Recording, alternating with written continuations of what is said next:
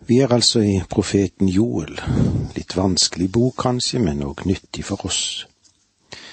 Vi er kommet til det sekstende verset i kapittel én. Ble ikke maten borte for våre øyne, glede og jubel fra vår Guds hus?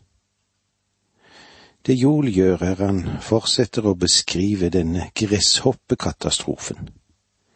Gleden og takknemligheten i Guds hus ble borte. Av og til synes jeg det er den samme situasjon som preger menigheten også i vår tid. Det kan jo være et og annet tilløp til forventning. Du kan kjenne det på selve atmosfæren, men det er jo lite glede.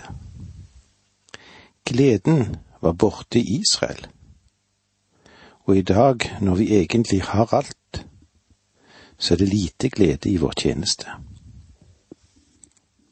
Vers 17 Såkornet jorden er tørket inn, vingene er ødelagt, låven er revet, og kornet er blitt borte. Såkornet jorden er tørket inn. Kornet kunne ikke engang komme opp fordi gresshoppene hadde gnagd av skuddene tett ved bakken. Vingene er ødelagt. Det forteller at det ikke var noe bruk for dem. Det var ingenting å fylle dem med. Vers 18 Hvor buskapen rauter, bølingene streifer omkring, for de har ikke beite. Selv saueflokkene må lide. En stor hungerkatastrofe hadde nådd landet. Herre, jeg roper til deg, for heten har gjort denne på beiten i ødemarken. Solbrann har svidd av hvert tre på marken, står det i vers 19. Gresshoppene drev med den brente jords taktikk, altså. Det var som om selve jordsmonnet var brent av totalt. Vers 20 Også de ville dyrene stønner opp mot deg, for bekkefarene er tørre, og heten har gjort ende på beitene i ødemarken. Dette var en forferdelig og ubeskrivelig tid. Selv dyreverden, både de tamme dyrene og de ville dyrene i skogen, led under denne forferdelige plagen. Det var en dom som berørte alt liv i landet på den tid, og det er selve bildet på Herrens dag som kommer. Det var det vi hadde med oss ifra det første kapitlet. Når vi nå går inn i det andre kapitlet, så fortsetter preludiet som startet i vers 15 i kapittel 1, og så fortsetter det med det samme temaet, da. Å se frem til Herrens dag. Husker du at Gud hadde lovet David et kongerike? Og dette vidunderlige fremtidsriket, det ble selve temasangen for alle profeten etter David. Det store budskapet om er at tusenårsriket kommer på jorden. Og når vi leser profetene, så lyder det nesten som et hakk i platen når den ene etter den andre ser frem mot dette målet. Joel som den første skriftprofeten gjør det klart at Herrens dag, som inkluderer tusenårsriket, blir ikke bare herlighet og glede. Før tusenårsriket, når Herren Jesus vil herske over jorden, så vil det, være, det ville komme en tid som den Herre Jesus definerte som den store trengselsperioden. Kapittel to vil understreke dette for oss. I vers 1 her i kapittel 2 leser vi slik. Blås i horn på Sion. Løft hærrop på mitt hellige fjell, så alle i landet skjelver av redsel. For Herrens dag er nær, den kommer. Herrens dag kommer. La meg igjen minne dere om at Joel er den første skriftprofet og han skuer ned gjennom århundrer og ser Herrens dag. Den begynner med mørke, ja, det vil si med dom. Deretter kommer Kristus til jorden og oppretter sitt rike. Malaki taler om ham som den rettferdighetens sol som går opp med legedom under sine vinger. Blås i horn på Sion, løft rop på mitt hellige fjell. Sion og mitt hellige fjell, ja, det henviser til Jerusalem. Han sier at, at det skal blåses i horn, og at det skal være et signal til strid. Det er viktig for oss å forstå betydningen av hornsignalet, eller trompetsignalet. Det å forstå bakgrunnen vil gjøre oss i stand til å sette bedre pris på det forfatteren har å si til oss. Hva er det særlige ved å blåse i trompet eller blåse i horn? I Fjerde Mosebok lærer vi at israelsfolket begynte vandringen gjennom ørkenen. Og for den vandringen beordret Gud dem til å få lage to sølvtrompeter. Han ga den oppgaven til Moses. Vi leser i det tiende kapitlet, vers én og to. Herren sa til Moses, Lag deg to trompeter. Av hamret sølv skal du lage dem. Du skal bruke dem når du kaller folket sammen, og når leiren skal brytes. Da Israel var i ørkenen, brukte Gud trompeten til å føre dem videre på marsjen gjennom ørkenen. Det første trompetstøtet var et signal at alle skulle gjøre seg rede til å vandre videre. Når skystøtten løftet seg og beveget seg, da tok de ned tabernaklet. Umiddelbart etter det så lød trompeten igjen, og Moses og Aron stilte seg i spissen for Judas stamme og arken gikk foran dem. Du husker kanskje at Israel slo leir på alle fire siden av tabernaklet. Tre stammer på hver side. Og nå marsjerte de i en viss orden. Og signalet til oppbrudd var lyden av trompetene.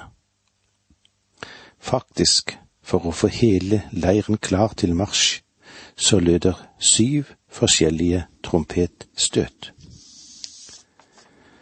Når vi senere kommer til åpenbaringsboken, Johannes' åpenbaring, altså Bibelens siste bok, så vil vi møte igjen trompetsignalene.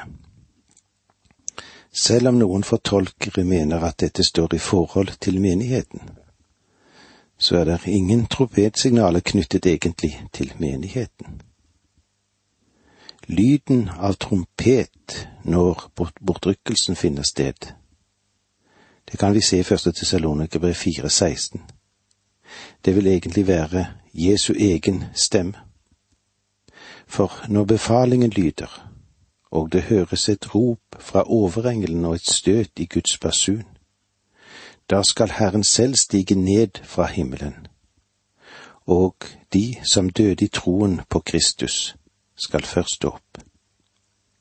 Hans røst vil være som en trompet eller som en basun. De syv trompetsignalene har ikke noe å gjøre med menigheten. Menighetens tid vil da være avsluttet, og den vil være løftet bort fra jorden. De syv trompetene er knyttet sammen med Israel på samme måte som det var syv trompetsignaler som kalte dem til marsj gjennom ørkenen. Vender vi oss så igjen tilbake til Fjerde Mosebok, så vil vi der se at de forskjellige trompetsignalene betydde bestemte ting. Det var en måte å gi Israel instrukser på. Men disse tingene vil vi komme tilbake til når vi møtes igjen neste gang. Takk for nå, må Gud være med deg. Dette undervisningsprogrammet består av to deler.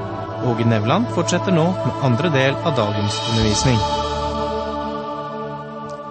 Vi er i profeten Joel, Vi er i det andre kapitlet og helt i begynnelsen av dette kapitlet, og vi leser i vers én. Blås i horn på Sion. Løft hærrop på mitt hellige fjell, så alle i landet skjelver av redsel. For Herrens dag er nær, den kommer. Hva er det særlige ved å blåse i trompet eller blåse i horn? I Fjerde Mosebok forteller det oss at de forskjellige trompetsignalene de betydde forskjellige og bestemte ting. Og det var òg viktig å få gi skikkelig instrukser på. Når de blåser i begge trompetene, skal hele folket komme sammen hos deg ved inngangen til møteteltet. Blåser de bare i den ene, skal høvdingene, førerne for Israels fylkninger, samles hos deg. Men blåser dere alarm, da skal de som har leir mot øst, bryte opp. Og blåser dere alarm for annen gang, skal de som har leir mot sør, bryte opp. Alarmen skal være signal til oppbrudd. Når folket kalles sammen, skal dere gi signal, men ikke blåse alarm. Slik står det i Fjerde Mosebok i kapittel ti, versene tre til syv. Så gir han instrukser for den tid de skal være i løftets land, som vi finner igjen i det fjerde Mosebok, det òg, i kapittel ti, vers 9. Når dere drar i krig i deres eget land mot en fiende som går til angrep, skal dere blåse alarm på trompetene. Da vil Herren deres Gud komme dere i hu, så dere blir berget fra fiendene. Ved krigsutbrudd skulle trompetene kalle mennene sammen for å forsvare sitt land mot fiendene. Nå vel, her i Joels profetbok sier han, blås i horn på Sion, løft hærrop på mitt hellige fjell. Hvorfor det, da? Hvorfor? Så alle i landet skjelver av redsel, for Herrens dag er nær, den kommer. Du forstår at etter at Herren har kalt sin menighet ut av verden, så vender han seg igjen til israelsfolket. Og hva skjer da? Jo, ja, da vil det bli gjenstand for en verdensvid antisemittisk bølge. Dette er begynnelsen til Herrens dag. Her i dette andre kapitlet hos Joel vil han knytte gresshoppeplagen sammen med trusselen fra den asyriske hær og deretter følge tidens linje mot fremtiden og til Herrens dag.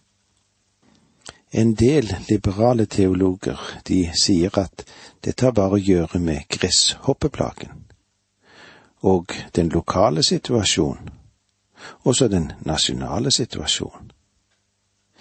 De er ikke villige til å trekke de lange linjene som Bibelen selv gjør så mange, mange ganger. Det andre ekstreme synspunktet er at dette bare henviser til den store trengselen. Og jeg tror at vi trenger å se at hos Joel er det en mektig kombinasjon av dette. Han beveger seg rett fra gresshoppeplagen til Herrens dag, som ligger der langt fremme i tiden. Det er profetens praksis i mange tilfeller å tale rett inn i en lokal eller nasjonal situasjon, og så, ja da, forflytter de oppmerksomheten fremover mot Herrens dag, som inkluderer trengselsperioden og tusenårsriket. Den nasjonale situasjonen gjaldt gresshoppeplagen og den nære fremtid dreide, dreide seg om den asyriske hær. Vers 20 Fienden fra nord vil jeg drive langt bort fra dere. Jeg tror det ville virke meningsløst å kalle en gresshoppeplage for armeen mot nord. Men gresshoppeplagen var et bilde på den asyriske hær som ville komme fra nord. Og den asyriske hæren blir et bilde også på den fiendehæren som vil komme fra nord den siste tid.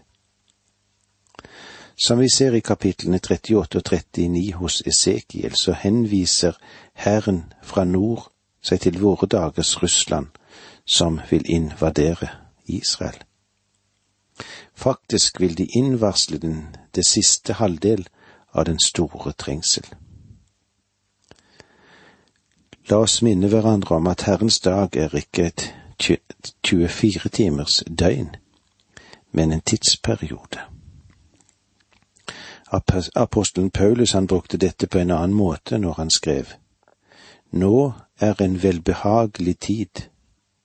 Nå er frelsens dag og talte om nådens tid. Herrens dag som et etalogisk begrep er forskjellig fra Herrens dag, der det henvises til den første dag i uken. Selv om disse to begrepene er like, så er det også sammenheng som markerer forskjellen. Nå beskrev altså Joel Guds perspektiv på denne sluttfasen, og det vil danne rammen og begrensningen for de profeter som vil tale inn i fremtiden. Etter jol vil alle tale inn mot den epoken som jol beskriver. Det er interessant å se at ingen av dem motsier hverandre, selv om noen av profetene ikke visste hva de andre profeterte vers to, kapittel to.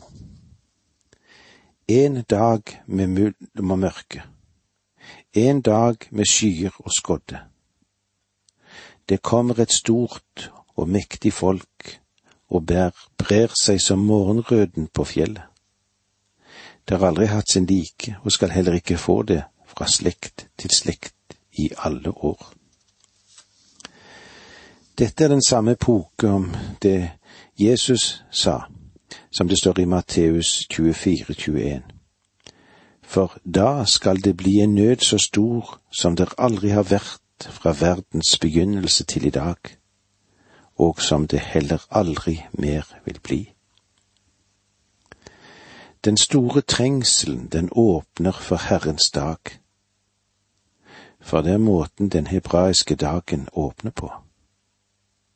Den begynner på kvelden, ved mørkets frembrudd. Jeg har en følelse av at da gresshoppeplagen kom over landet, ville det faktisk stenge for sollyset fordi det var så mange av det. Og Herrens dag vil begynne med mørket. Vi leser i det tredje verset i kapittel to. Foran det fortærer ild og bakom slikker flammen. Foran er landet som hagen i Eden, og bakom ligger livsløs ørken. Ingen berger seg unna. Før gresshoppeplagen kom, så marken ut som Edens hage. Alt var grønt med rike, overveldende løvverk. Landet var så skjønt. Etter at gresshoppene forlot området, fantes ikke en grønn flekk igjen. Det virket som om det hadde gått en brann over hele området. Herrens dag vil bli noe lignende, idet det vil være en tid med ødeleggelse. Og når de fire rytterne fra apokalyssen rider gjennom verden, så vil det være krig og det vil være hungersnød, og det vil være død. I et eneste sveip vil en fjerdedel av befolkningen bli utryddet, og ved en senere anledning en tredjedel av populasjonen, den vil bli ødelagt. Vers fire Som hester er folk å se til, som hingster farer de fram. Som jeg har antydet tidligere, så ligner hodet på gresshoppen på et hestehode. Og eh, det italienske ordet for gresshoppe betyr liten hest. Joel beskriver gresshoppeplagen og begynner nå å tilpasse den det på, som er på Herrens dag. Vi leser versene fem og seks. De sprenger fram over råsryggen like som larmende vogner. Lik ild som knitrer i halmen. Lik en veldig hær, beredt til strid. Folkeslag skjelver for dem. Hvert ansikt er blussende rødt. Hvert ansikt er blussende rødt. Det betyr at de vil være merket og har fått sår. Og det var så langt som vi kom i dag.